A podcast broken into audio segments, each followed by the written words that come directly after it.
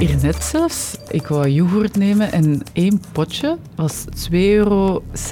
Ja, Ik vond dat echt in een zot. paar lepeltjes op. Kun je eisen dat de voedingsprijzen dalen? Voor de Griekse kust zoeken reddingsschepen nog altijd naar vele honderden vermisten van de scheepsramp van gisteren. Het is nu al een van de dodelijkste scheepsrampen van dit jaar. Als een schip met migranten in de problemen komt, wie moet dan ingrijpen? Ze kwamen nu uit uw tent schudden en hadden Ah, fluitjes en een trompet en wat wist je? Zit op kamp. Hè.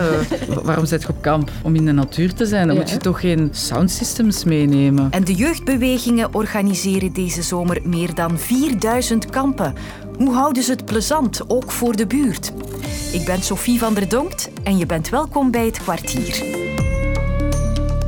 Als je tegenwoordig boodschappen doet, dan klinken al die reclameboodschappen misschien wat wrang. De Leize presenteert Kleine Leeuw, Kleine Prijs. De producten van het merk Carrefour. Kleine prijzen met grootse principes. Heerlijk betaalbaar. Aldi, altijd slim. Het maakt niet uit waar jij je kar vult. Overal is voeding duurder geworden.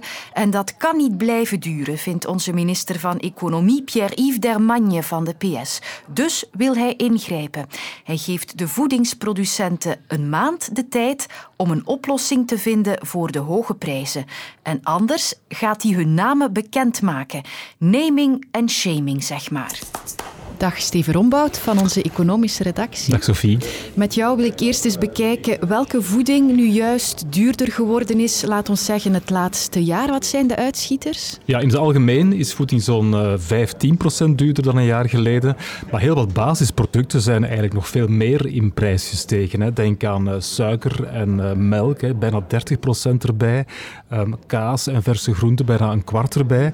Nu, er is ook een beetje goed nieuws. Ehm, enkele producten zoals brood en granen zijn nog altijd duurder als we vergelijken met een jaar geleden. Maar zijn wel wat goedkoper geworden als we vergelijken met de voorbije maanden. Dus het gaat een beetje de goede kant uit. Ja, dan is het de vraag of dat dreigement van Dermagne kan helpen om ook die prijzen die hoog blijven toch nog naar beneden te krijgen.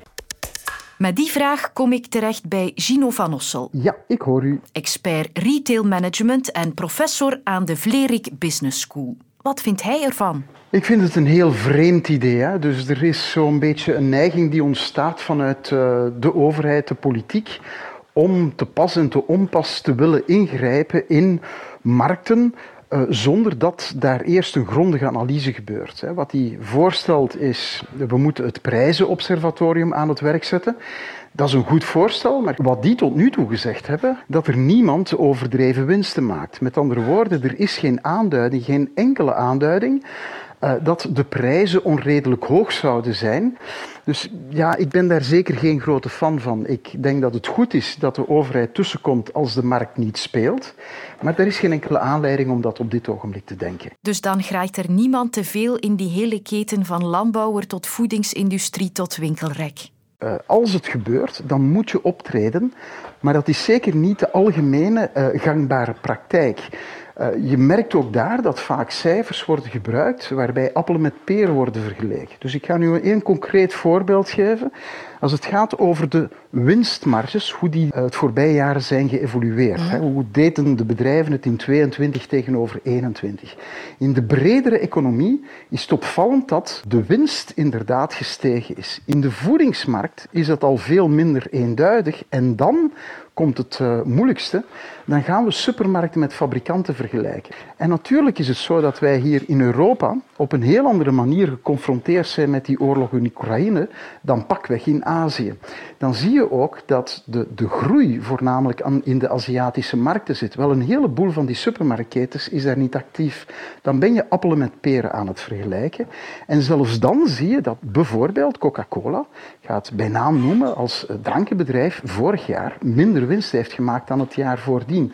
Er zijn geen aanduidingen van een systematische graaikultuur in de voedingsketen. Ja, de markt doet haar werk, zegt u. Mogen we dan op termijn hopen ook op een prijsdaling? Ja, die mogen we helaas niet verwachten, maar dat zal ook nergens het geval zijn, omdat heel veel kosten structureel omhoog zijn gegaan. Voornamelijk dan, denk maar aan de lonen, maar ook de basisgrondstoffen in de landbouw zullen de komende maanden en jaren niet in prijs dalen. Integendeel, uh, de milieumaatregelen, dat uh, kost geld. Uh, Europa heeft berekend dat de opwarming van de aarde zal leiden tot minder opbrengsten in de landbouw, waardoor dat uh, er jaarlijks 0,7% eh, stijging zou kunnen zijn van de voedselprijzen.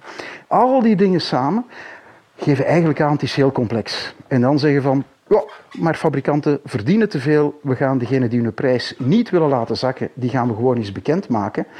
Daar kan ik weinig uh, begrip voor opbrengen. Oké, u heeft uw punt gemaakt. Bedankt, meneer Van Ossel. Graag gedaan. Het is al zeker een van de grootste scheepsrampen van de voorbije jaren. En de doden zijn nog lang niet geteld of zelfs gevonden.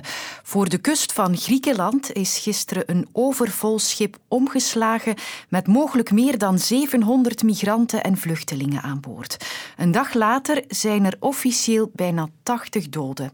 De hulporganisatie Alarmphone kreeg verschillende noodoproepen. 1417 CEST Alarm phone receives the first call from the boat in distress. They say that they cannot survive the night. In dat gebied is ook de Griekse kustwacht actief en Frontex, dat de Europese grenzen moet bewaken. En toch kwam niemand op tijd. Welke rol zij allemaal spelen, weet mijn collega Mieke Strinks. Vroeger patrouilleerde Frontex en voerde Frontex zelf ook uh, reddingsoperaties uit op zee.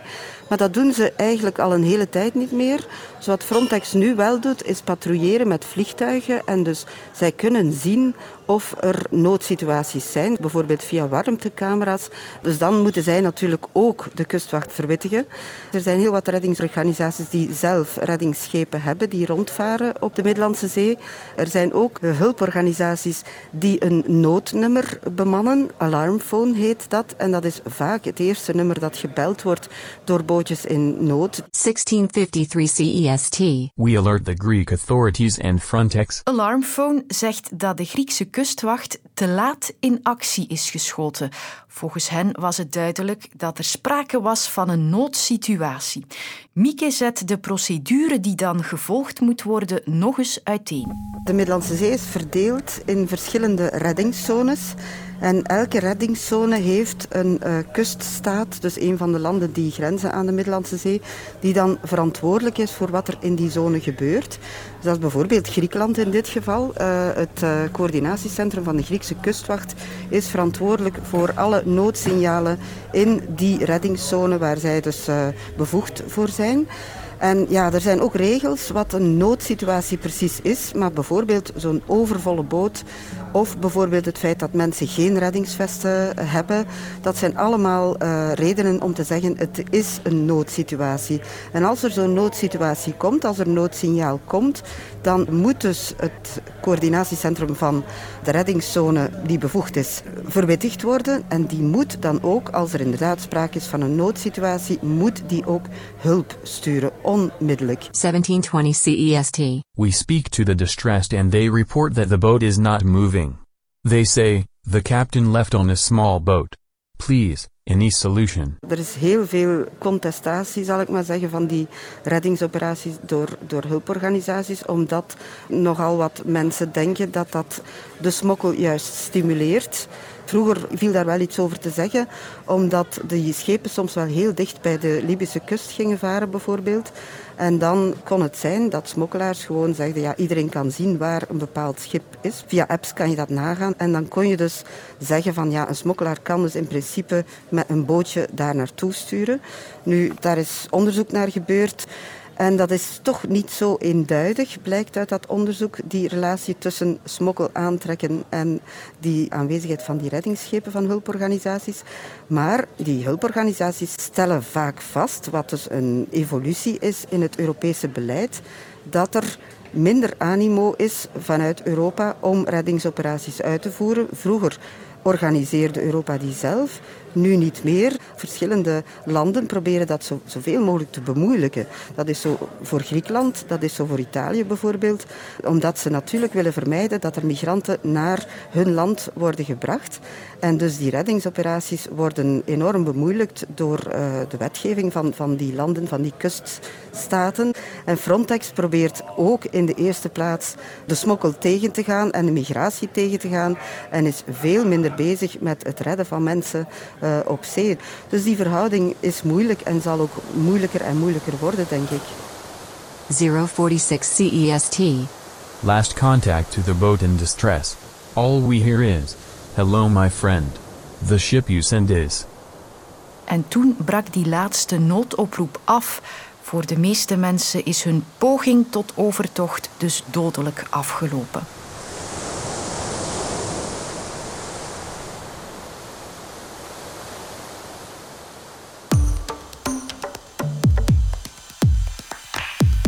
We voelen de zomer al en de vakantie is stilaan ook binnen bereik. Dus nog even en de jeugdbewegingen kunnen hun kampvuur weer aansteken.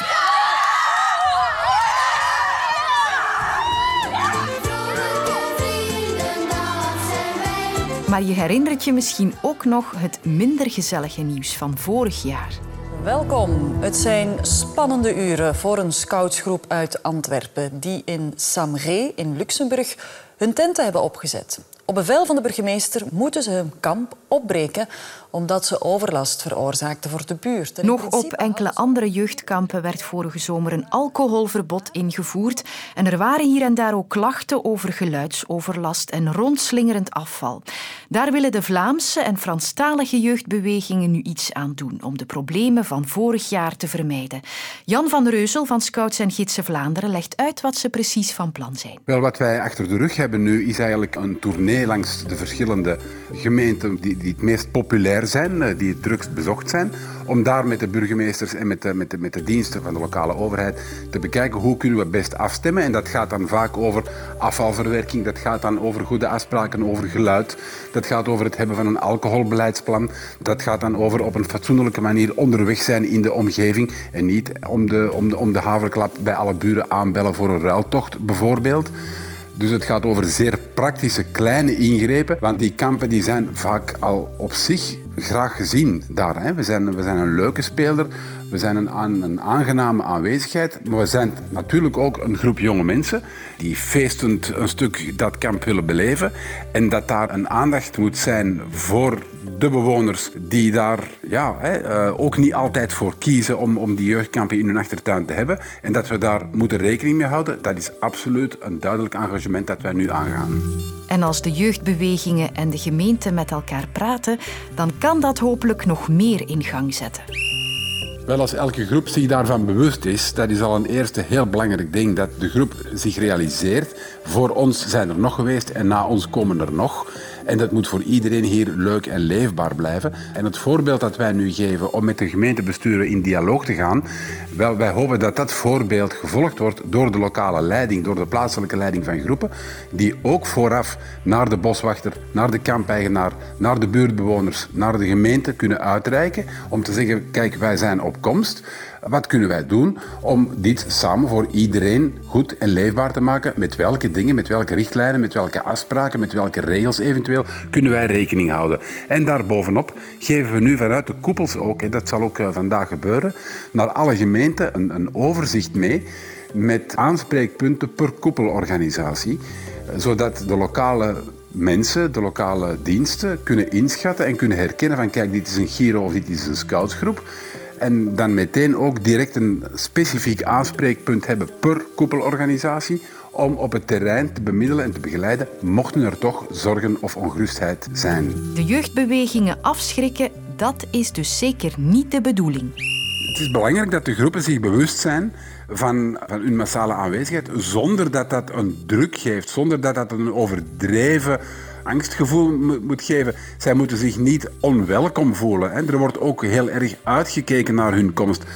Ik kom ook heel veel plezier en vreugde en ontroerende momenten tegen waar dit voor al die kinderen en jongeren vaak de zomer van hun leven is. En daar kijk ik eigenlijk ook nu al naar uit. En in afwachting van de zomer blijven wij elke werkdag op post. Morgen een nieuwe aflevering. Dag. Anke van Meer duikt in de wereld van pleegzorg. Ze volgt daarbij vier jaar lang het traject van haar broer en zijn vriend. Ontdek het hele verhaal in de podcast Nest, nu in de app van VRT Max.